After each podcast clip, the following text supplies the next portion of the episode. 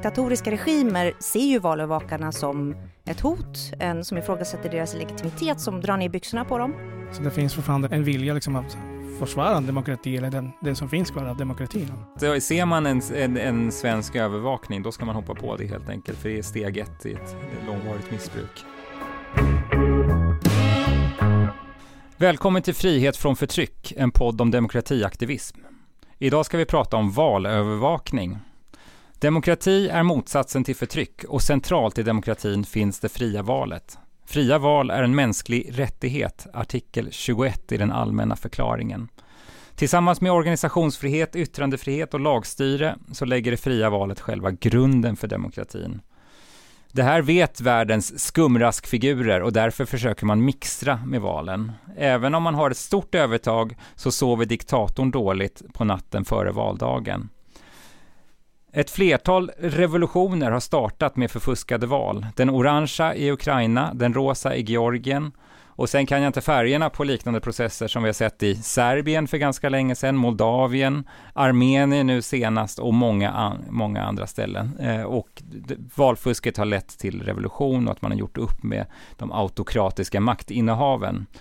Eh, valövervakningen belyser fusket. Eh, men valövervakning kan också ge legitimitet. Det finns de som inte vill tro på ett valresultat och hävdar att det är förfuskat. Då är det minst lika viktigt att det finns oberoende verifikationer på att valet är legitimt. I ett land med ledare som är genuint demokratiska kan valövervakning ändå vara bra, då den belyser problem i valsystemet som inte är kända för beslutsfattarna och som behöver åtgärdas. För att gå på djupet i valövervakningsvärlden har jag med mig två resurspersoner. Amanda Valentin, som har lett flera missioner och som just har skrivit en rapport om övervakning. Välkommen Amanda! Tack! Amanda har tidigare jobbat på Silk ska också sägas. Eh, jag har också med mig Cesar Chirino som till vardags arbetar på Friluftsfrämjande men som när han är ledig deltar i valövervakningsmissioner. Välkommen Cesar. Tack för att jag fick komma. Eh, jag heter Martin Engeby och jag är chef för SILK. Eh, Cesar, vi börjar med dig. Hur kom det sig att du blev intresserad av valövervakning? Ja, men jag kan börja med att säga att eh, jag kommer från Venezuela från början, så för mig blev det en ganska naturligt eh, steg liksom att eh, börja bry mig på allt som händer i Venezuela i början, men sen liksom demokrati. Alltså, vad betyder demokrati i hela världen? Mm. Hur kan påverka oss som individer? Liksom, även om jag bor i, i Sverige kan jag absolut följa allt som händer i andra länder i, inom Europa eller utanför Europa. Så det är en relation som jag tycker är extra intressant och det blev något som jag brinner för just nu. Var du eh, politisk aktivist innan du började intressera dig för själva valen eller var det valen som gjorde att du blev politisk aktivist? Ja, det är en bra fråga. Det, det, det hände en del saker som gjorde att jag blev aktivist innan jag visste. Mm -hmm. Sen min första valövervakning var i princip i Stockholm i eh, i Venezuelas ambassaden som inte finns längre. Då. Och då talar vi 2012 eller ännu tidigare? Det var 2000, 2010, 11. Jag var själv på plats i Venezuela 2012 och valövervakade. Det var Chavez sista val. Amanda, man skiljer på inhemsk valövervakning och internationell eh, valövervakning som vi ibland också kallas, kallar hemsk övervakning. Eh, men vad är skillnaden? Eh, jag har aldrig hört att man kallar det för hemsk övervakning. Det är något du nyligen har hittat på. Inhemsk och hemsk. Inhemsk och hemsk. Ja, alltså när man säger valövervakning, då tänker de flesta människor på internationell valövervakning. Parlamentarikerna som åker runt eller OSSEs eh, missioner som är väldigt duktiga. Och då är det liksom ett eh, diplomatiskt verktyg. Eh, det är folk utifrån som då ska vara oberoende och neutrala, som ska granska valen och, och ge råd och sen åker de därifrån. Men det jag har jobbat mest med, det är inhemsk valövervakning. Mm. När alltså människor övervakar sina egna val. Och i grunden gör de ju samma sak på plats, så att säga. Man uppmärksammar brister och kanske fel eller till och med fusk i valen. Det är liksom det kortsiktiga målet. Då uppmärksammar myndigheter och medborgare på det. Och sen så det långsiktiga malen, valet är liksom att bidra till att kunna förbättra och förfina systemet och därmed liksom öka legitimiteten och förtroendet för systemet. Så det har man ju gemensamt. Men inhemsk valövervakning har ju väldigt stora effekter på de som gör det också. Mm. Och de, det här att man skulle vara partisk bara för att man kommer från landet, det är liksom ingenting som man ser i praktiken. Om man ser det i Ryssland och Moldavien och Armenien så de som förenas för att valövervaka, de kommer över hela den liksom politiska skalan. Mm. Eh, och de är väldigt eniga om liksom hur systemet ska fungera, hur man räknar en, två, tre, fyra, fem, inte en, två, tre tusen. Det får också folk ofta att, att känna ett ägarskap för Eh, för valet. Och det blir ju mycket billigare att bygga en folkrörelse av människor i landet som övervakar valen tillsammans än att man ska flyga dit massa parlamentariker. Ja, alltså den ryska organisationen Golas, de uppstod ju år 2000 grundades de och då var det civilsamhällesorganisationer som jobbade med allt från yttrandefrihet och det var journalister och det var uh, handikapporganisationer och, och kvinnoorganisationer som samlades kring att vi kan ju göra vilka landvinningar som helst och lobba för våra frågor, men om man inte kan utkräva ansvar och avsätta politiker för att, för att valen är korrumperande, då är ju korruptionen överallt och då, då är det ju ingen mening. Liksom. Så de gick samman för att då vart fjärde år, eller vart femte år som det är nu, valövervaka. Mm, för de som inte har varit med någon gång, Cesar, hur, vad gör man? Vad gör man rent konkret när man valövervakar? Ja, man tittar runt eh, lokalerna. Man ser att alla eh, får eh, rösta i lugnt och ro, inte bli trakasserade eller liksom fin finns något eh, propaganda som kan påverka valet eh, liksom, eller eh, våld eh, på själva deltagare.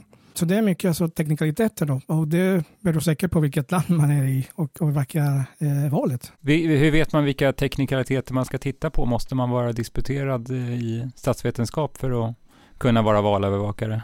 Nej, inte riktigt. Det är mycket liksom, man kan kalla det typ common sense som själva eh, deltagare. Liksom att man, man ser att eh, grejerna inte flyter på som de skulle, liksom att det är långa köer. Alltså det, det, sådana hinder som kan göra att man inte får rösta. Liksom. Det, mm. det, man behöver inte så pass mycket kunskap, bara energi och eh, vilja. Och hur, hur samlar man ihop den här kunskapen efteråt, att man har tittat på lokalen?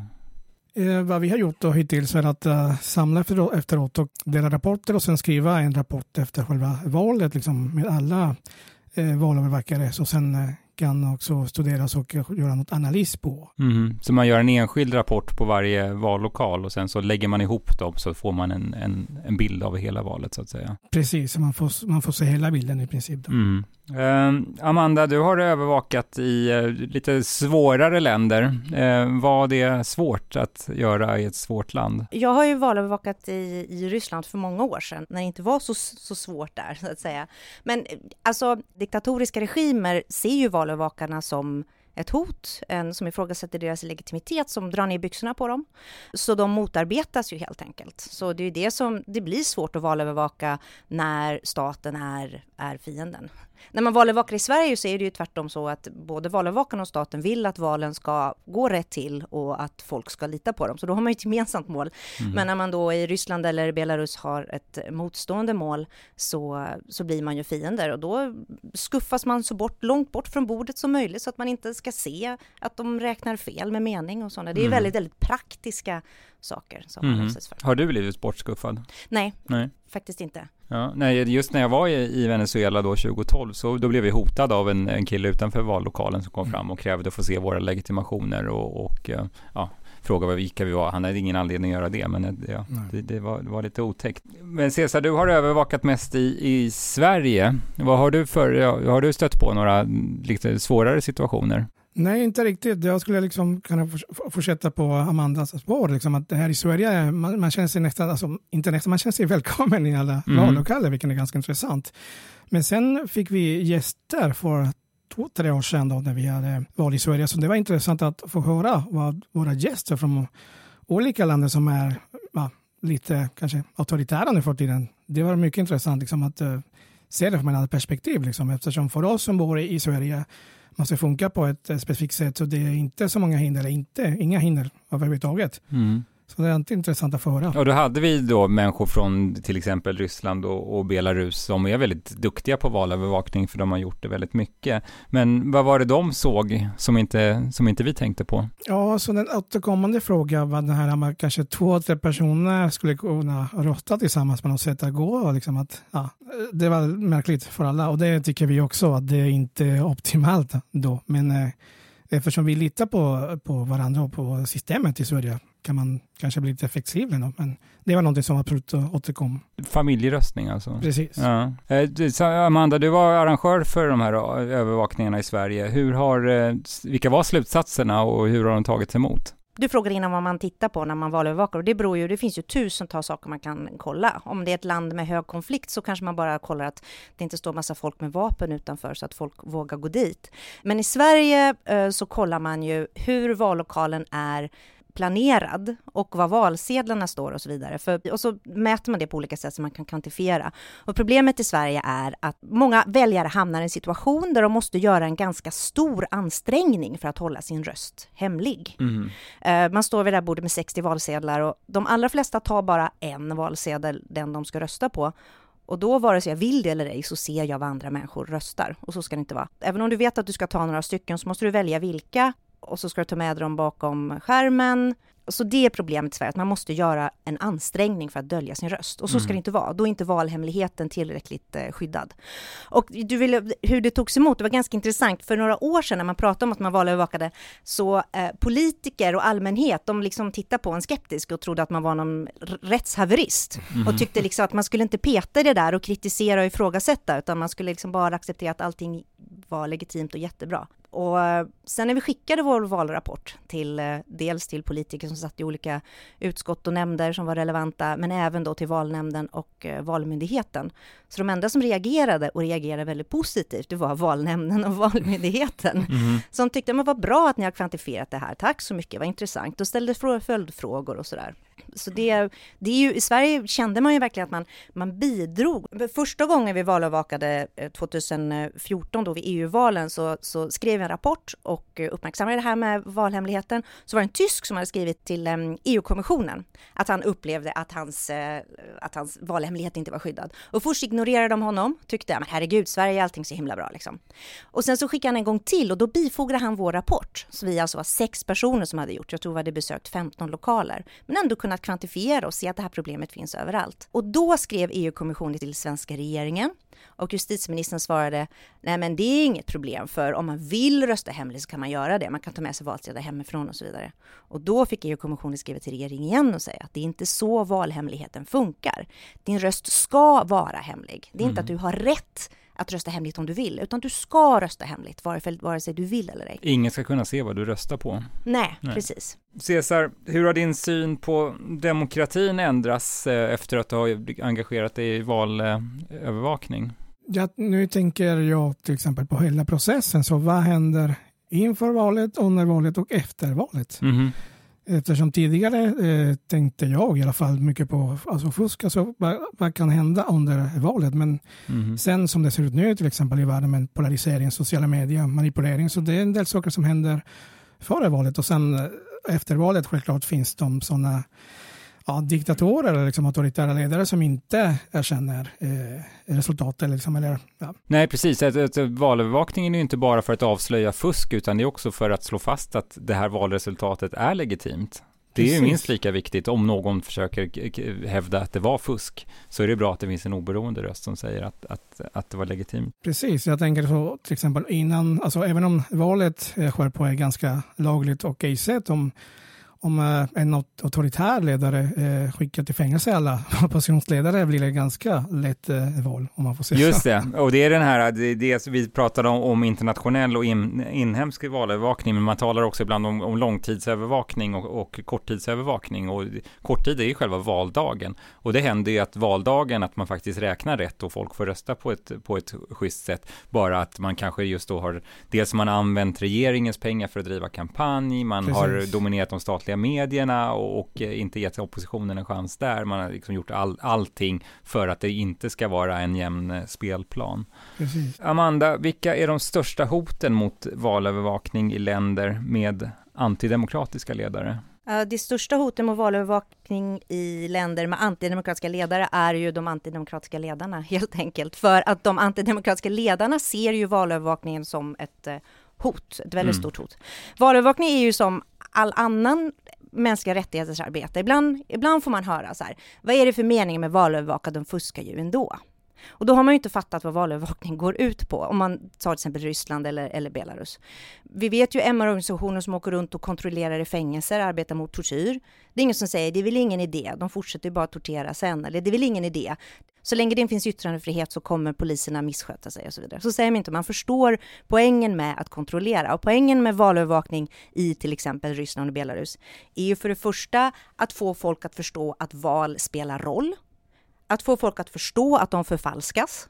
Och att få folk att förstå att det går att göra någonting åt. Mm. Och det är ju ett enormt hot mot autokratiska ledare. Och det är därför Golos, den här agentlagen som många har talat om, Golos var ju den första organisationen att stämplas som en utländsk agent. Den lagen skrevs för Golos skull. Så det, det är det största hotet.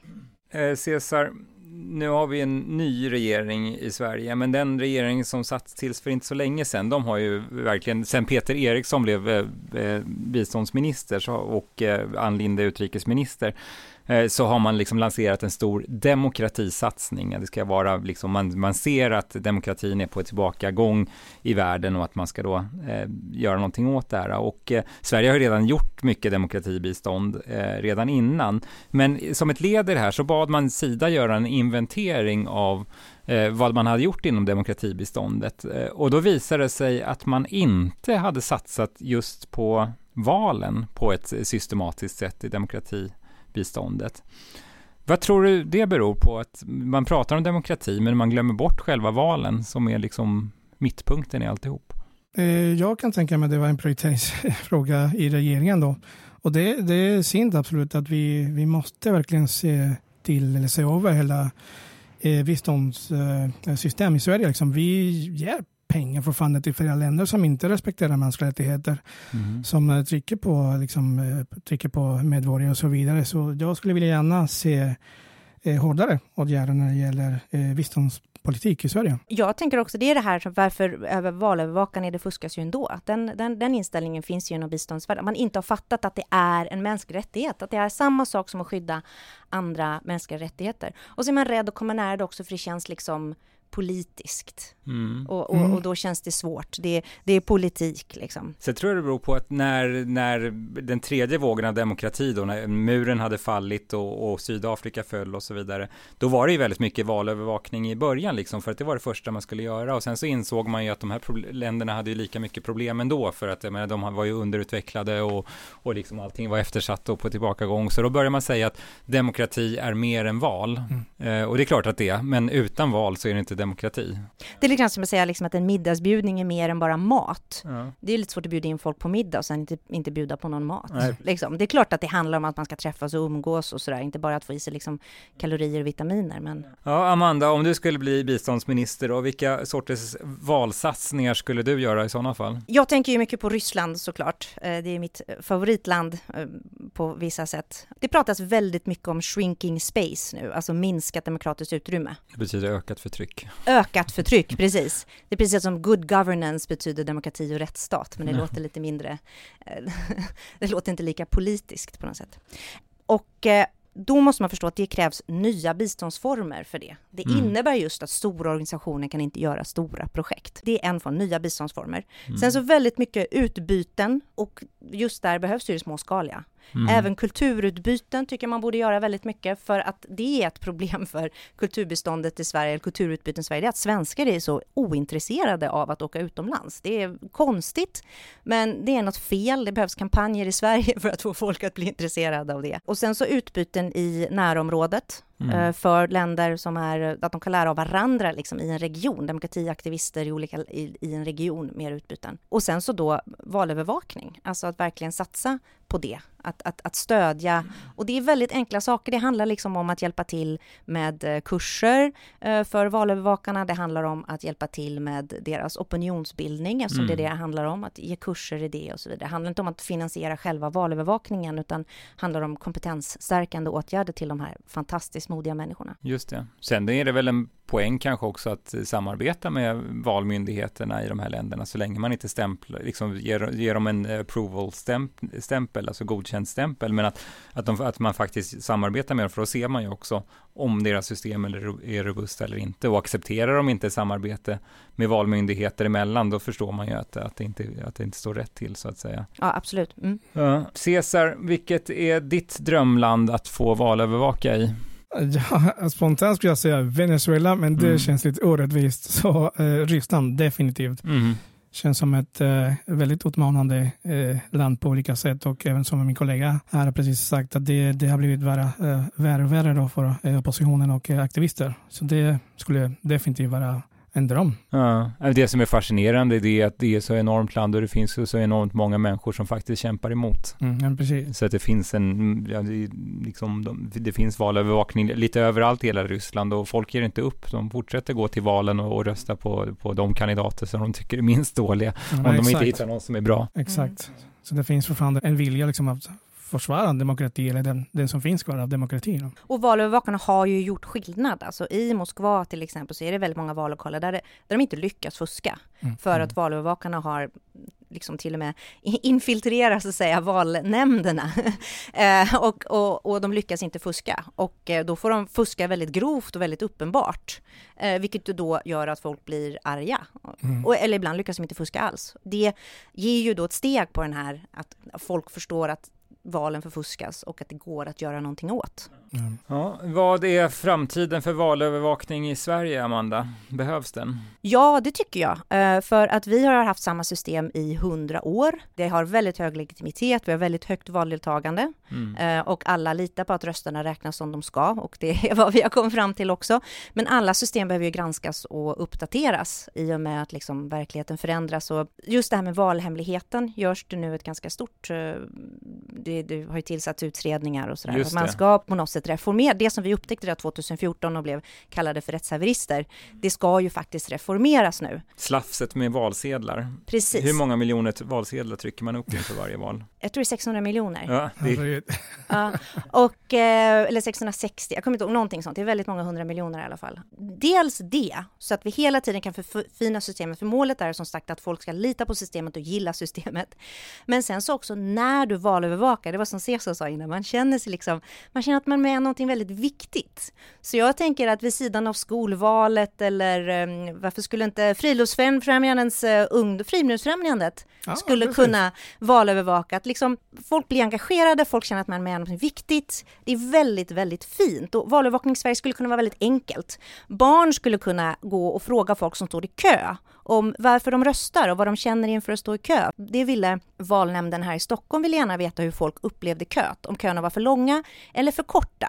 För, för, det, för korta. Ja. Jo, för det är nämligen så att valet är ju liksom en ceremoni, precis som när vi gifter oss mm. eller döper någon eller tar studenten. Det här att det ska vara enkelt att rösta, det ska vara enkelt för då röstar fler och då får vi högt valdeltagande och det tyder på engagemang. Mm. Det är inte riktigt sant. Väldigt många människor uppskattar den här ceremonin när man står kanske några minuter i kön tillsammans med andra människor och ska göra den här viktiga handlingen. Mm. Jag blir alldeles rörd här.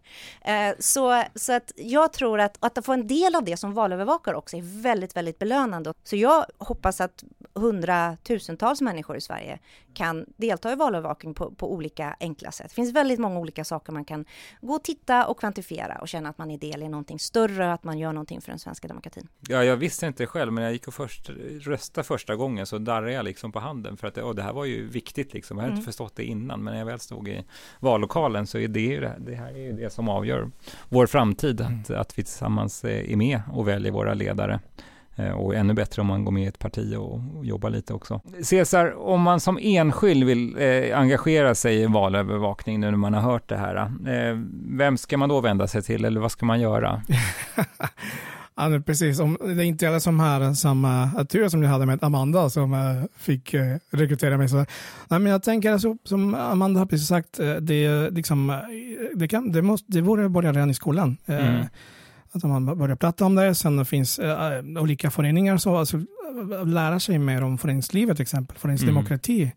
Kan vara absolut en, en, ett plus liksom i framtiden för att kunna eh, förstå bättre demokratin. Så bara en bostadsrättsförening eller sådär? Till exempel. Så, ja. Man behöver inte Ja, börja med det stora. Ordna en valövervakning själv. Det är, liksom, det är väldigt enkla grunder. Man ska inte lägga sig i och vara vägen och stökig. Man ska stå och iaktta och på något sätt kvantifiera någonting man ser. Och så skriver man en liten rapport. Man säger hur många man var, hur många vallokaler man besökte. Mhm. Och det är jättespännande. Och vänd dig till din samhällskapslärare eller vem som helst. Det är, eller vänd dig till mig. Jag vill jättegärna ordna valövervakning igen. Ja. Sen, eh, sen är det ju en bra, alltså, sen så finns det ju en, en, en ins- en institution i Sverige som heter Folke Bernadotte-akademin som är då ansvarig för Sveriges internationella missioner och där kan man då skriva upp sig om man är intresserad. Och vill man göra det där, liksom komma ut och resa och sånt där, då är det väldigt bra att man anmäler sig först att vara valförrättare hemma så att säga och, och eh, faktiskt lära sig någonting om det som man ska sen eh, granska någon annanstans.